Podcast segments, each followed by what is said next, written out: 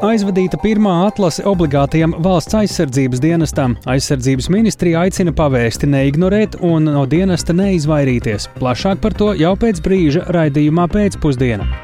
Lai aizsargātu bērnu tiesības un intereses un arī mazinātu vārdarbību, Latvijā dažu gadu laikā plāno uzlabot nepilngadīgo personu atbalsta informācijas sistēmu. Lietuvas zemnieki šodien ar traktoriem izbraukuši Viļņas ielās, lai protestētu pret situāciju nozarē. Līdzīgi protesti šajās dienās ir notikuši arī citvietē Eiropā. Par to visu plašāk raidījumā pēcpusdiena kopā ar mani Tāli Eipuru.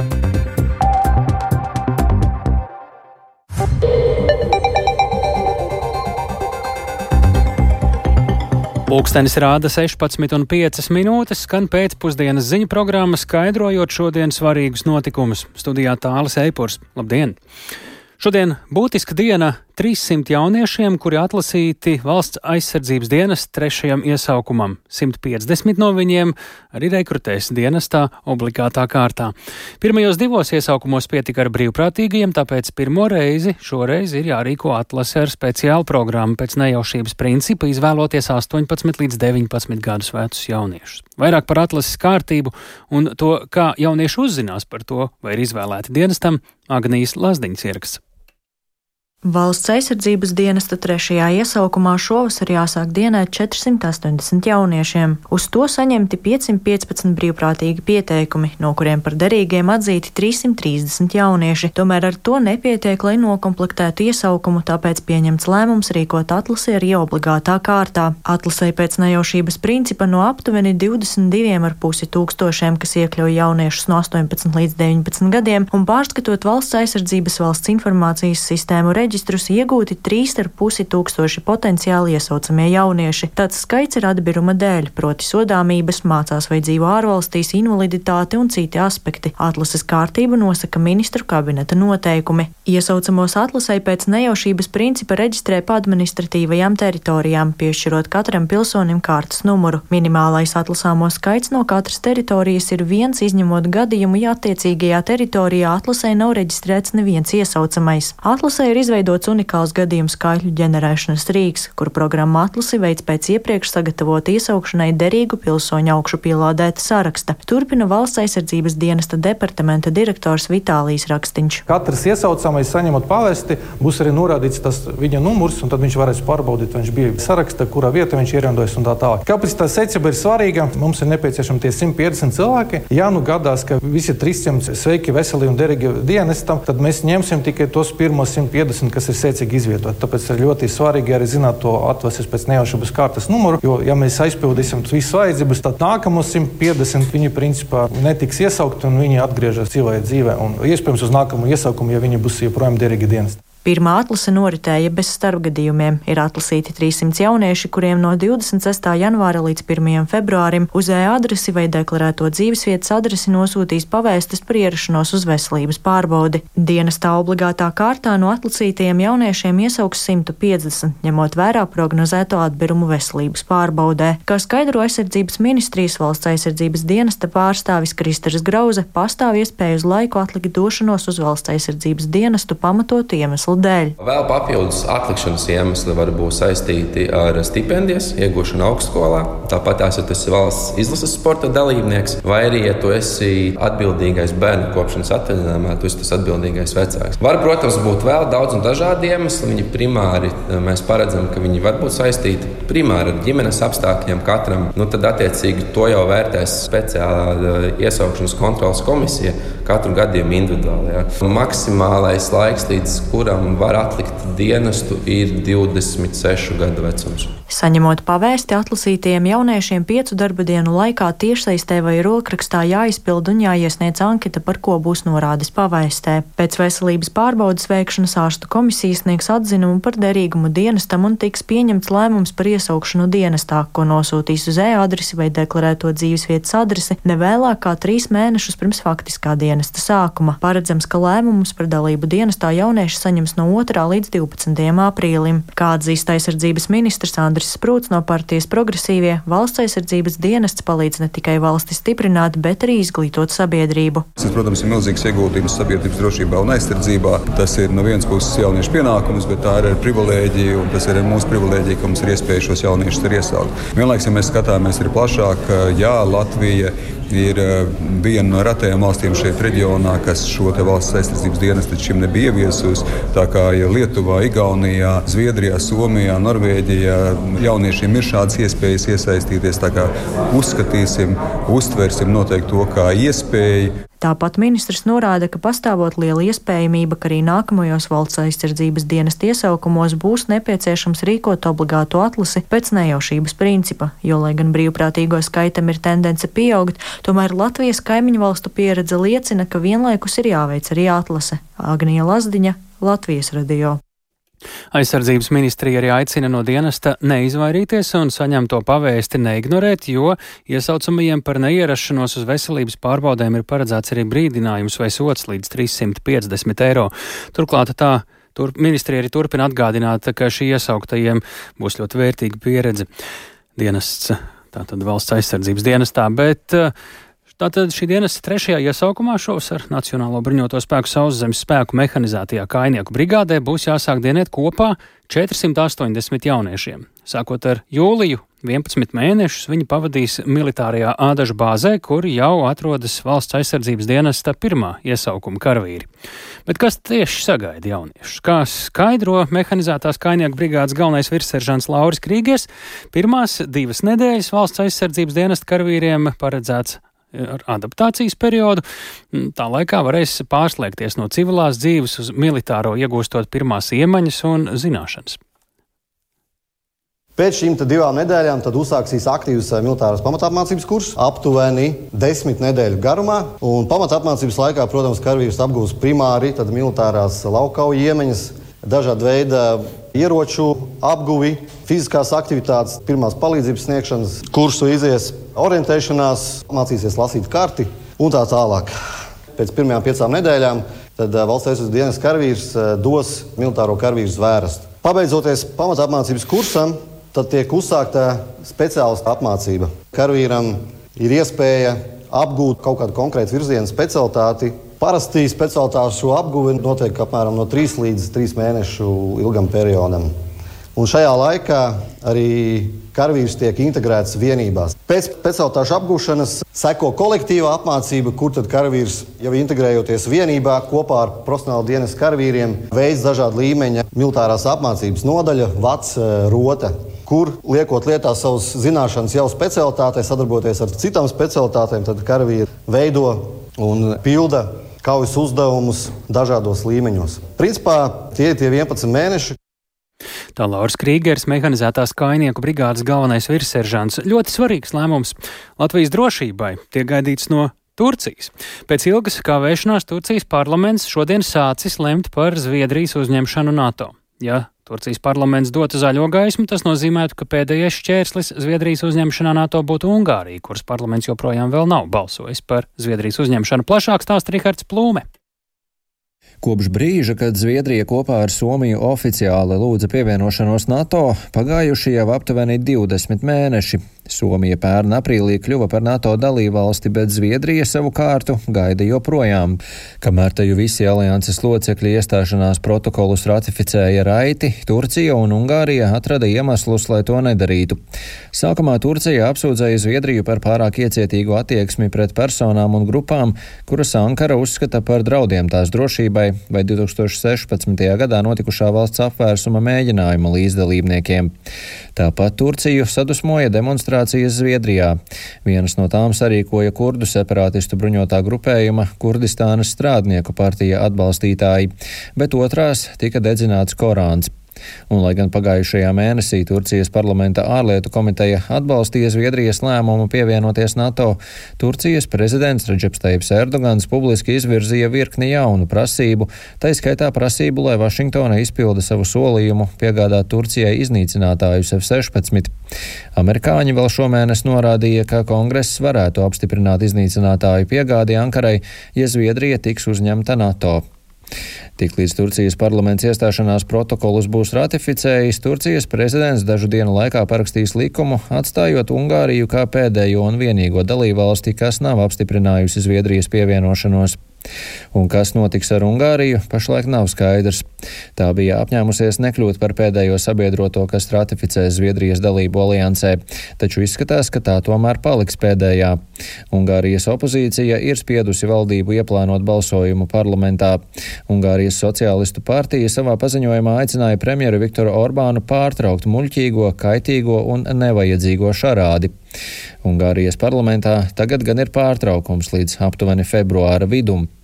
Par to, ka Ungārijas parlaments tomēr gatavojas ratificēt iestāšanās protokolus, varētu liecināt Ungārijas premjera uzaicinājums Budapeštā ierasties Zviedrijas premjeru Ulfu Kristersonu, lai runātu par Zviedrijas iestāšanos NATO. Nav gan skaidrs, kad tieši šīs sarunas varētu notikt. Katrā ziņā tas, kas ir skaidrs, ir, ka Turcijai un Ungārijai viena lieta ir kopīga. Abām ir labākas attiecības ar Krieviju nekā citām NATO dalību valstīm. Rihards Plūme, Latvijas radio. Ļoti augsti riski konstatēti Eiropas fondu plānošanas periodu līdz 27. gadam ieviešanā, jeb finansējuma ieguldīšanā Latvijas ekonomikā atbilstoši plānotiem. Tā ir secināts Eiropas fondu apgūšanas saistīto ministriju sanāksmē, un tur ir apspriests eh, Eiropas naudas ieviešanas eh, dažādi riski un ko tad darīt. Citiem vārdiem, eh, tie riski neapgūt kādu no Eiropas Savienības atvēlētajiem miljardiem, un mēs šobrīd esam sazinājušies ar Finanšu ministrijas parlamentāro sekretāru Karinu Ploku no Jaunās vienotības. Labdien! Labdien! Ko īsti divos vārdos nozīmē? Tad, kad mēs sakām augsti riski Eiropas fondu plānošanas periodu ieviešanā, iztulkojiet klausītājiem vienkāršā valodā. Nu, tas nozīmē, ka šī perioda nauda varētu netikt pilnvērtīgi un 100% apmērā ieguldīta uh, Uh, Latvijas tautsājumniecībā. Līdz ar to mēs jau laicīgi redzam, ka šis risks ir augsts, mēs jau laicīgi esam izstrādājuši kā finanšu ministrija šo ceļu karti, lai uh, no šiem riskiem izvairītos un šos riskus vadītu. Kāpēc šobrīd uh, notiek šāda situācijas apzināšana un konstatēšana? Tie riski ir kļuvuši pārāk lieli un reāli, ka mēs varētu nepagūt apgūt līdz 27. gadam mums pieejamos Eiropas līdzekļus. Es gribētu teikt, ka mēs esam laicīgi par šiem riskiem sākuši jau runāt, jo beidzas iepriekšējais plānošanas periods un ir sācies nākamais plānošanas periods. Un turklāt mums ir vēl atvesaļošanās fonda ieviešana, un līdz ar to visu šo uh, apstākļu kopums nu, rada šos riskus, jo tas cilvēku resurss, kas eh, ar šiem ministru kabineta noteikumiem un ar šo fondu ieviešanu strādā, ir tas pats un vienkārši fiziski nav iespējams to tik ātrā laikā paveikt. Tādēļ, eh, tādēļ mēs esam piedāvājuši, kā jau teicu, šo ceļu karti līdz 2. februārim mm, eh, iesniegt šos programmas grozījumus un vienoties, kas tad ir tie. Mm, tad ir tie pasākumi, kas ir veicami jau 24. gadā, kur mēs jēgpilni varam jau ieguldīt šos um, Eiropas Savienības fondus. Un kas ir vērsti uz ekonomisko izaugsmi, un kas iespējams tāds jauns, varbūt ir pavērsiens, kas ir saistīti arī ar valdības rīcības plānā doto uzdevumu izpildi. Bet cilvēku jau, kas ar to strādā, vairāk nekļūs tā situācija, kas kuri strādās ar šiem līdzekļiem un kuru trūkuma dēļ, šo resursu trūkuma dēļ, cilvēku resursu trūkuma dēļ tā situācija ir radusies. Kas liek domāt, ka mēs kaut kādā veidā spēsim to pātrināt? Nu, tieši tādēļ mēs esam nākuši ar šo priekšlikumu par uh, fondu pārdali, par uh, dažādām programmas, par šiem programmas grozījumiem. Un mēs redzam, ka ir ministrijas, kurām veicās labāk, ir ministrijas, kurām veicās varbūt netik labi. Tādēļ eh, nu, mēs gribam šos riskus jau sākotnēji gan apzināt, gan arī vadīt. Mēs domājam, ka šo ceļu kārti un ar šīm finansējuma pārdalēm mēs šos riskus mazināsim un nodrošināsim jēgpilnu uh, fondu ieguldījumu tautsēmniecībā. Vai šobrīd ir priekšstats, cik lielas summas ir šajā riska zonā, kur var nepagūt, apgūt? Nu, man ir jāsaka, ka šobrīd no tiem ministru kabineta noteikumiem, kas būtu nepieciešami uz šo brīdi, ir izstrādāta tikai puse. Tas nozīmē, ka no plānotajiem 2,8 miljardiem ministra kabineta noteikumi ir par 1,31 miljardu. Nu, tā, tas tā summa ir pietiekoši liela, lai mēs jau šobrīd uh, celtu trauksmi un teiktu, ka ir jāstrādā nedaudz savādāk un šie fondi ir jāpārplāno un jāskatās, kurās nozarēs mēs varam jēgpilni ieguldīt. Un redza, kur mēs arī redzam, ka tautsēmniecībai būtu no šī atbalsts. Gaidām februāru ministriju atbildes un plānus tā varam secināt. Ja? Gaidām 2. februāri ar mm. ministriju plāniem, ar pārdalēm, un uh, nākamajā martā, nākamajā mēnesī mums ir nākamā fondu komiteja, kur arī par šo tālāk lēmsim. Paldies par sarunu. To mēs sakām Finanšu ministrijas parlamentārajai sekretārē Karinai Plokē no jaunās vienotības. Bet līdz pat 2000 Lietuvas zemnieku un aptuveni 850 traktoru un citu tehnikas vienību šodien devušies Viļņas ielās, lai protestētu pret situāciju nozarē. Lauksaimnieki vēlas pievērst uzmanību arī būtiskām atšķirībām starp dzīves līmeni Lietuvas laukos un pilsētās. Akcija varētu ilgt līdz pat piekdienai. Līdzīgi protesti aizvadītajās dienās ir notikuši arī citu vietu Eiropā, un par situāciju lauksaimniecībā šodien Briselē spriež arī Eiropas Savienības lauksaimniecības ministri. Viņu sanāksmē klātienē seko mūsu korespondents Artjoms Konohovs, un Artjom, tad nu saki, kādēļ zemnieki uzreiz vairākās Eiropas valstīs ir gandrīz vienlaikus iznākuši ielās ar protestiem?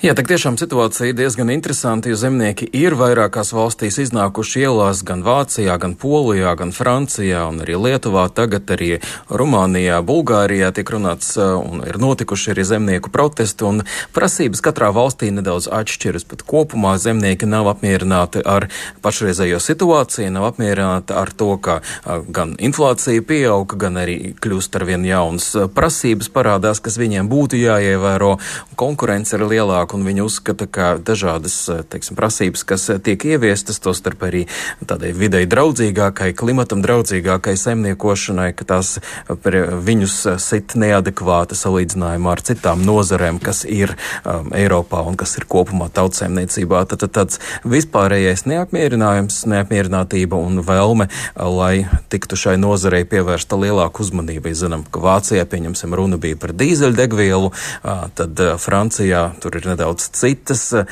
vajadzības, un eh, Rumānijā tiek runāts arī par augstām apdrošināšanas izmaksām un par lēno kompensāciju samaksu, tostarp arī, protams, konkurence ar Ukrainas lauksaimniecības produktiem. Tas arī ir aktuāls jautājums, it sevišķi eh, Centrāla Eiropas valstīs. Tāli. Uz kādu risinājumu situācijai mēs varam cerēt no Eiropas komisijas gaidāmā priekšlikuma par turpmāko tirzniecību ar Ukrainu? Kāda ir dažādu valstu pozīcija šajā jautājumā?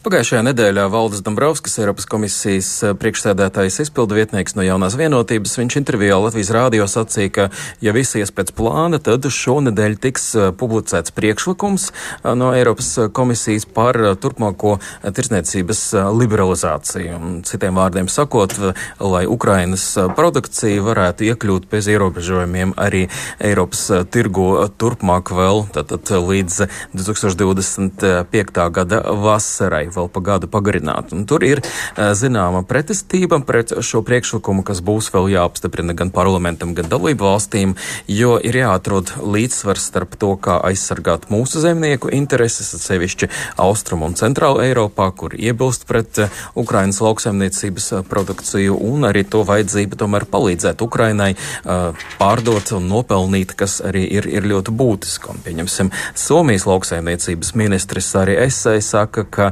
nekādi ierobežojumi Ukrainas eh, preču importam Eiropā viņus nevajadzētu ieviest, ka situācijai eh, būtu jāpaliek tādai, kā tā ir, jo šie gan graudi, gan cita lauksaimniecības produkcija ļoti nepieciešama. Paklausīsimies! No, we don't think that that would be the, the way out of the situation. It's very important. Nē, mēs nedomājam, ka tā būtu izēja no šīs situācijas. Ir ļoti svarīgi pasvītrot lielo solidaritātes joslu nozīmi. Šīm solidaritātes joslām ir jāpaliek atvērtām un jābūt pieejamām visiem lauksaimniecības produktiem. Ukrainai ir nepieciešami ienākumi no šī eksporta. Tas ir būtiski arī valstīm, kas gaida šos graudus. Mums ir arī jāsaprot, ka tā ir neglīta spēle, ko Krievija izspēlē ar pārtiku. Atgādināsim, ka solidaritātes joslas ir īpaši tādi koridori uz Eiropas valstu robežām ar Ukrainu, lai varētu ātrāk transportēt gan graudus, gan arī citu produkciju. Un tas bija īpaši būtiski, kad šos graudus nevarēja transportēt pa Melno jūru, jo Krievija bloķēja šo ceļu. Tagad tas ir atjaunojies un uh, līdz ar to Ukraina ir atjaunojusi šo pieeju. Un līdz ar to ir iespējams uh, mazināt šo saspīlējumu. Bet tādas valstis kā Ungārija joprojām iebilst un saka, ka viņi jau tagad ir noteikuši aizliegumu importēt eh, Krievi, Ukrainas eh, graudus eh, savā teritorijā, un viņi vēlētos to arī saglabāt. Paklausīsimies Ungārijas ārlietu ministru Pēteru Sijārtavu, kurš arī šodien ir Briselē. Well, we have an even stronger position there. We have banned the import of uh, Ukrainian grain and some... Mums šajā jautājumā ir vēl stingrāka nostāja. Mēs esam aizlieguši Ukrainas graudu un citu lauksaimniecības produktu importu un vēlamies to saglabāt. Mēs gribam aizsargāt savu tirgu un atgriezties pie sākotnējās vienošanās, kas paredzēja Ukrainas graudu tranzīta nodrošināšanu. Bet pretēji sākotnējai vienošanai Ukrainas graudi ir izplatījušies pa centrāla Eiropas valstu tirgiem. Tas grauj mūsu tirgu tirgu un ir pretrunā ar sākotnējo vienošanos. Uh, un savukārt Čehija saka, ka ja no Ukraiņu vēlas tirgot savu pārtiku, tad viņiem vajadzētu arī ievērot tādus pašus noteikumus, kā Eiropas zemnieki ievēro. Tālāk. Pavisam īsi, bet nemazāk svarīgi, uh, lauksaimniecības ministru sanāksmē arī tika runāts par Krievijas graudu importu aizliegumu, ko rosina arī Latvijas zemkopības ministrs Armāns Krauze no ZZS. Kas tev par šīm diskusijām zināms? Jā, šīs diskusijas vēl ir tādā sākotnējā formātā, bet eh, Latvija tiešām kopā ar pārējām Baltijas valstīm vēlas, lai kaut kas tāds vismaz tiktu apspriests, un ministrs to diezgan publiski arī ārvalstu žurnālistiem šodien ir pieteicis, bet eh, šīs diskusijas tiešām ir tādā agrīnā stadijā, un redzēsim, kādas būs pārējo valstu reakcijas. Pagaidām par to vēl ir pāragri spriest. Paldies Ārķimam Konakovam Briselē. Tikmēr ir jautājumi, kur vienprātības nav arī pašu lauksaimnieku vidū. Pieaugot saimnieci, lauksaimniecības sējumu platībām Latvijā, zemē nonāk arī vairāk augu aizsardzības līdzekļu. Tiesa, Latvijā šobrīd trūkst padziļinātu pētījumu par pesticīdu klātbūtni pazemes un virszemes ūdeņos tieši lauksaimniecības zemju tuvumā. Tā ir secinājuši pētnieki.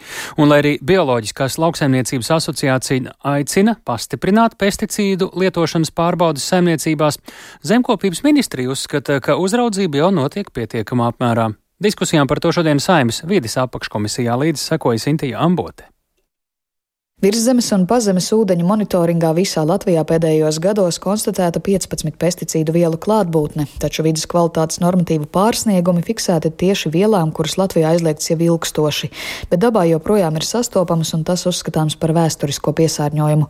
Savukārt no pat laban lauksaimniecības apritē esošām vielām virszemes ūdeņos lielākās koncentrācijās fiksēts alkonifēns un cipermetrīns, kam pētnieku ieskatā būtu jāpievērš uzmanība nākotnē, skaidro vidas ģeoloģijas un meteoroloģijas centra informācijas analīzes daļas vadītāja Liena Ābele. Jāiekļauj papildus urbumi, jāveido papildus avoti, kur attiecīgi mēs to varam atkal monitorēt. Iespējams, ka tas ir arī varbūt atsevišķs pētījums tīri nu, lauksaimniecības ietekmes pētījumu veikšanai, kā tas ietekmē virzemes pazemes ūdeņus tiešā to tūmā, jo, kā minēja, tad tiešā tūmā mēs eh, neveicam monitoringu lauksaimniecības zemēm. Saimas vides apakškomisijas deputāti iezīmēja, ka trūkst arī informācijas par pesticīdu pesticīdu vielu piesārņojuma avotiem, kā arī par ietekmi uz cilvēku veselību un vidi ilgtermiņā. Savukārt Latvijas biškopības biedrības pētnieks Valters Brusbārdis papildina, ka biedrība piemēram medu un putekšņos jau šobrīd analizē 170 darbīgo vielu klātbūtni, un viņš pauda neizpratni, kāpēc arī valsts jau šobrīd neanalizē pilna pesticīdu vielu spektra klātbūtni vidē kopumā. Tas tomēr man nav saprotams, kādēļ valsts nevar atļauties, un tur nav liels šķirbs arī finanšu pusē starp monitorēšanu uz dažām vielām un monitorēšanu uz pilnu buķeti. Faktiski mēs šobrīd redzam vēsturisko papildu. Pamatā fokus viss ir uz vēsturisku piesārņojumu, tā pašā laikā mēs nevēršam uzmanību tieši uz tām darbīgām vielām, kuras mēs šodien masīvi lietojam. Šeit viens piemērs arī to, ko šeit ir pētnieki konstatējuši un arī prezentācija apskatījos, acetamidrīts ar ārkārtīgi augstu šķīrību ūdenī. Pavisam nesen reģistrēts un viņš jau ir parādījies. Tā kā, respektīvi, mēs neredzam, ka tas, kas notiek šobrīd, patiesībā ar aktīvajām vielām, un tas ir slikti. Latvijā pesticīdu pārdošanas apjoms uz hektāru ir 1,46 kg, bet vidēji Eiropas dalībvalstīs tie ir 4 kg. Tiesa arī Latvijā pesticīdu patēriņš pieaug, jo pēdējos desmit gados palielinājušās arī lauksaimniecības sējuma platības, īpaši ziemaskviešu un ziemesrapšu platības. Valsts auga aizsardzības dienas speciālists Svens Ezers norāda, ka līdztekus tam pieaudzis arī pesticīdu lietošanas pārbaužu skaits, bet pārkāpumu skaits šobrīd nav augsts. Pārbaudes mums ir pieaugušas, visu laiku turējās ap 1800, 1900 tajā līmenī bet um, faktiski ar jauno kopējās lauksaimniecības periodu ir būtiski kāpušas. To gan nevar teikt par pārkāpumiem. Kopumā jāsaka, ka lauksaimnieki prasības ievēro. Ir, protams, situācijas, kad ir pārkāpumi, tie vairāk saistīti ar vēja ātrumu neievērošanu, aizsargjoslu neievērošanu. Nu, ja mēs skatāmies kopumā, gadā vidēji saņemam ap 60 sūdzībām, un uh, pamatotas ir katra 4. 5. Saimas vides apakškomisijas diskusijā Bioloģijas lauksaimniecības asociācijas vadītājs Gustavs Norkārklis vērtēja, ka pat Labanas saistībā ar pesticīdu lietojumu trūkst regulāras fiziskas pārbaudas uz laukiem un aizsargjoslās pie ūdens tilpnēm. Zemkopības ministrija gan norāda, ka neplāno rosināt papildu kontroles, lai nevairotu birokrātiju. Savukārt Saimas apakškomisijā par pesticīdu lietošanu un ietekmi uz bišu un cilvēku veselību plānots turpināt sarunas 6. februārī. Sinti Ambote, Latvijas radio. Un uzlabojumu un lielāka kārtība tiek meklēta arī citā nozarē. Lai aizsargātu bērnu tiesības un intereses un arī mazinātu vārdarbību, Latvijā dažu gadu laikā plāno uzlabot nepilngadīgo personu atbalsta informācijas sistēmu. Iemesls - tagadējā sistēma neparāda patieso ainu. Tā šodien saimnes atbildīgajā komisijā atzina dažādi jomu speciālisti. Jaunajā sistēmā, viņuprāt, jāapvieno visu valsts iestāžu informāciju par bērniem, kas nonākuši ārstu, policijas, bāriņtiesas, probācijas dienesta vai citu redzeslokā. Un šodienas ziņojumam līdzi sekoja arī kolēģis Viktors Demīdovs. Viktor, atgādini sākumā, ko tad mēs saucam par nepilngadīgo personu atbalsta informācijas sistēmu, kas tajā trūkst un kas tad valstī būtu jādara, lai to pilnveidotu? Labdien! Nepilngadīgo personu atbalsta informācijas sistēmā ir apkopoti dati par bērniem, kas nonākuši kādas iestādes uzra, uzmanībā. Un tie ir personas dati, kur bērns mācās, kur gūst ienākumus, ja tādi ir, nu, vai bērnam ir invaliditāte, arī par bērna arī par vardarbības incidentiem, kas vērsti pret bērnu un tā tālāk. Un šīs sistēmas mērķis ir aizsargāt bērnu tiesības un intereses un arī sekmēt dažādu institūciju sadarbību, piemēram, lai veiktu profilaktisko darbu, meklētu nepilngadīgos un arī pārliecinātos, kā tiek izpildīti audzinoša rakstura piespiedu līdzekļi vai krimināls sodi. Tagadējā sistēma, kur uzrauga iekšliet ministrijas eh, informācijas centrs, ir izveidota pirms vairāk nekā desmit gadiem, un tajā ir atklāta atklātas nepilnības. Piemēram, tiesības sarga biroja pārstāve šodien norādīja, ka grūtības rada arī manuāla informācijas ievadi. Un tāpēc uh, arī šī iemesla dēļ sistēmu plāno ievērojami uzlabot, tajā pievienojot izglītības un veselības jomas, kuru trūkumus, kuru trūkums esošajā sistēmā ir ļoti jūtams. Tā šodien Saimnes cilvēktiesību un sabiedrisko lietu komisijas sēdē secināja labklājības ministrijas pārstāve Ilze Kurme, sakot, ka jaunā jaunā sistēmas stratēģija taps šogad.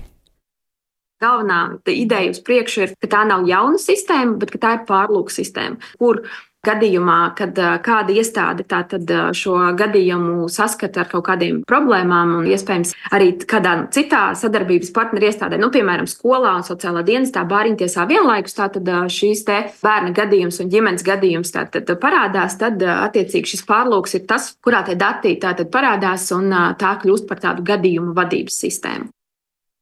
Un paredzēts, ka jaunajā sistēmā būs arī skrīningu jeb novērošanas dati par bērniem no 1 līdz 6 gadu vecumam. Tie esot nepieciešami, lai saulaicīgi pamanītu agrīnās attīstības problēmas. Un šāda un cita veida apkopotā informācija vecākiem, skolām, bērndārziem, ārstiem, arī sociālajiem dienestiem un citām iestādēm palīdzēs saprast, kāda veselības vai sociālā, sociālais atbalsts kāds bērnam ir nepieciešams nepieciešams. Un jāatzīmē, ka šajā sistēmā būs informācija tikai par tiem bērniem, kas nonākuši kādas iestādes uzmanībā, piemēram, kādam ir atkarība vai kāds neapmeklē skolu un tam līdzīgi, respektīvi par visiem, pilnīgi visiem bērniem, nu, to neapkopos. Rīgas pašvaldības policijas pārstāvis Egils Vidriks norāda, nu, kādam ir jā, būs jāizvērtē, vai bērnam šajā sistēmā nokļūt. Ja tas ir par jebkuru Latvijas iedzīvotāju bērnu, tad ir saprotams, ka tā informācija automātiski ielasās par jebkuru. Un tad jau parādās zvaniņš, ka tā informācija tur ir parādījusies un ka te jau jāsāk strādāt. Bet, ja būs kādam jāpieņem lēmums tagad likt iekšā vai nelikt, kā tas ir šobrīd, Baidos, es nesapratu, kur būs tas punkts un kur būs tas lēmējs, kas tagad pateiks, ka nu, pēc šī kautiņa tas Jānis ir jāliek sistēmā, un kas būs tā persona, kas to izdarīs. Bet kautiņš jau tas varbūt konkrētam Jānim ir stipri pa vēlu. Un tālūk izteicās Rīgas pašvaldības policijas pārstāvis, un jāatzīmē, ka šodien sēdē izskanēja, ka nepilngadīgo personu atbalsta informācijas sistēmas pilnveide var izmaksāt miljoniem eiro. Precīzākas izmaksas iespējams varētu būt zināmas maijā, kad uh, šī saimnes komisija plāno atkārtot pievērsties sistēmas izveidēji. Kā tad norit tā gaita, un uh, jaunā sistēma varētu būt gatava 2027. gadā. Nu, tas ir tas labākais scenārijs. Paldies, sakām Viktoram Damīdovam, bet eh, nu, pievēršamies eh, veselīgam dzīvesveidam. Eh, proti, ko darīt, lai veicinātu tautas sportu? Par to šodien politiķi un iesaistītie sprieda atbildīgajā saimnes komisijā. Un tautas sports, jeb ikdienas brīvprātīgās fiziskās aktivitātes, ir pamats veselīgai nācijai. Tāpēc par to īpaši tiek domāts šobrīd strādājot pie jaunā sporta likuma. Par šodienas priesto jau to daļu ir gatavs mums vairāk pastāstīt kolēģis Mārtiņš Kļavinieks. Mārtiņa, nu, tautas sports, veselīga nācija, šādi mērķi. Kas tad attiecībā uz tiem bija galvenie uzsvari, par ko šodien diskutēja politiķi, citi iesaistītie? Jā, sveiks tālu un sveicināt klausītāji. Nu, deputāti arī izglītības un zinātnes ministrijas, veselības ministrijas un arī lielāko tautas sporta pasākumu rīkotāji sprieda gan par finansējumu tautas sportam šogad, arī nākotnē, gan arī tā piešķiršanas kārtību, tautas sporta lomu valsts sporta politikā kopumā. Nu, un šī saruna tad arī noritēja kontekstā ar jaunā sporta likuma tapšanu, kurš joprojām izstrādes procesā. Nu, nākotnē valsts vēlas palielināt uzsvaru uz tautas sportu tieši, lai veicinātu sportošanas masveidību un arī sabiedrības veselību. Un tāds ir tas publiskais um, uzstādījums, bet, piemēram, tautas sporta pārstāvjiem bija arī konkrēti priekšlikumi un ieteikumi nākotnē, piemēram, tautas sportu dēvēt nevis tieši šādi, bet par veselības sportu, mm, izveidot caurskatām un prognozējumu valsts naudas piešķiršanas sistēmu, kā arī ieviest attaisnotos izdevumus par sporta nodarbībām, kas citās valstīs jau ir nu, tāda pašsaprotama prakse. Nu, tie bija tie praktiskie ieteikumi, bet nu, diskusijas bija dažādas un arī aizgāja dažādos virzienos tālāk. Jā, Mārtiņa, mēs eh, zinām, ka plānots, ka šogad tautas sportam valsts atvēlēs divreiz vairāk naudas nekā iepriekš. Cik tieši? Un vai tas tad varētu būt tiešām nozīmīgs ieguldījums sabiedrības veselībā? Jā, skan jau labi. Tiks atvēlēts divreiz vairāk naudas, bet eh, jāsaka tā, ka tas eh, pagājušā gada finansējums bija nu, gaužām mazs uz eh, visu valsti - 250 tūkstoši, jeb 4 miljonus eiro. No valsts tieši tautas sporta pasākumiem šogad jā, pusmiljons ir plānots. Mm, atgādinu, ka Izglītības un zinātnes ministrija no šī gada sadala visu valsts sporta naudu, arī tautas sportam to dalīs. Nu, kopumā gan tas ir joprojām tas pusmiljons gaužām maz, jo, piemēram, valsts kontrolas ziņojumā par to, cik pašvaldības ir tērējušas cik es noprotu, pagājušajā gadā tautas sportam tie ir 3,7 miljoni eiro, kas ir tātad ievērojami vairāk nekā valsts šogad vispār plāno tērēt, un to uzsver arī sporta apakškomisijas loceklis mm, deputāts Raimons Bergmans no apvienotās saraksta. Viņš izcēla, ka gadiem ilgi eh, tautas sports ir bijis zema prioritāte, nu un šobrīd to kā uz dēlnes var redzēt arī obligātā militārā dienas iesaukumā. Vairāk Raimons Bergmans liek aizdomāties par situāciju. Varbūt tur ir nepieciešams daudz straujāka un lielāka līdzekļu iepludināšana. Šīs veselības, ko arī minēja veselības ministrija, nu, ja mums iesaukt 150 jauniešus valsts aizsardzības dienestā, ir jāizsūta un jāatrod 300. Tad mēs rēķinamies, ka 50% apmēram no atlasītajiem jauniešiem netiks atlasīti un nevarēs pildīt pienākumu dēļ veselības. Nu, tas man liekas, par to šobrīd ir jāzvana. Visi zvani, kādi vien var zvanīt. Ja mums ir 1,8 miljoni un mēs vēlamies ieguldīt 500 eh, tūkstoši, diez vai mēs sasniegsim kādreiz kaut kādus rezultātus, kas ļoti strauji mainītu šo situāciju. Jā, tālāk Raimons Bergmans, saimnes deputāts no apvienotā saraksta. Tālāk. Jā, Mārtiņ, lai e, šī sporta politika tā labi darbotos, skaidrs, ka tas skar nevienu atbildīgo izglītības zinātnes ministriju vai, nu, piemēram, dzirdēto aizsardzības nozari, bet arī veselības pašvaldību ministrijas. Kā šobrīd vispār notiek to atbildīgo ministriju, iesaistīto ministriju sadarbība vai notiek vispār pietiekami domājot par tieši tautas sportu? Jā, nu, kā zinām, tad izglītības un eh, zinātnes ministrija atbildīga par sportu valstī, bet eh, nu, šajā sēdē piedalījās arī veselības ministrijas pārstāvi. Man tāds vērojums, žurnālistisks vērojums no malas, ka nu, varēja redzēt, ka šīs uh, iestādes savā starpā nekomunicē, jo veselības ministrijai vairāk kārt tika uzdots viens un tas pats jautājums tieši no Raimonda Bergmaņa puses, bet atbild bija tāda ārkārtīgi formāla un vispār neatbildot uz jautājumu un arī mm, nu, afišējot to, ka viņiem ir konkrēts pasākums pret aptaukošanos, bet tur atsevišķi no IZM tiek aicināti šie te eh, galvenie mm, tautas sporta pasākumu rīkotāji. Nu, un to arī, mm, jā, tā tad uzsvēra mm, saimnes sporta apakškomisijas vadītājs Dāvs Mārtiņš Daugaviets no jaunās vienotības, ka ir jānāk ministrijām kopā un beidzot jārunā ko, tādu kopainu, jāuzzīmē visiem kopā. Mārtiņš Daugaviets, jā, lūko stāstīja. Visticamāk, būs nepieciešama apakškomisijas sēde, kur tiešām visas atbildīgās ministrijas, kas ir atbildīgas par sportu, beidzot sanāk kopā. Un jūs sajūtat, ka savādāk viņas vienā telpā būs nāk tikai Nacionālā sporta padome un arī nerunāt par sporta politikas jautājumiem. Varbūt kaut kādos gadījumos tur jāiesaistās gan veselības ministrijai, gan punkts, šis ir aizsardzības iekšlietu ministrija jautājums. Tāpat tās kā labklājības ministrijas jautājums. Un šeit īstenībā man vismaz klausoties, man trūks tā sajūta, ka viena ministrija zina, ko pieņemsim, dara otra ministrija saistībā ar sportu. Man arī nelīdz galam visām ministrijām šī atbilde ir skaidra, šādas sēdes nepieciešamību es tiešām redzu aizvien vairāk un vairāk. Tālūk, Dāvs Mārtiņš Daugavietis no jaunās vienotības. Tālāk. Paldies Mārtiņam Kļaviniekam tik tālu par tautas sportu, bet, nu, jaunumi no Amerikas otra krasta tur agri no rīta. Mums šobrīd pēcpusdienā paziņotas ASV Kino akadēmijas jeb Oskara balvu nominācijas un kategorijā labākā filma sacensties desmit kinolentes, tā skaitā arī abas aizdītā gada skaļākās Barbija un Oppenheimers, nu, par labākās filmas godu sacensties arī kinolentes. Uh, American Fiction, Kritiena anatomija, aizkavēšanās, Ziedmēnesis slepkavas, Maestro, pagājušās dzīves, nabaga radības, The Zone of Interest, es te jāatvainojas par pāris nosaukumiem. Viņi latviski vēl neatrada oficiāls tulkojums, bet pie mūsu klausulas šobrīd ir Sergejs Timoņins, kinoblogeris projekta Kinokults līdzdibinātājs. Sveicināti!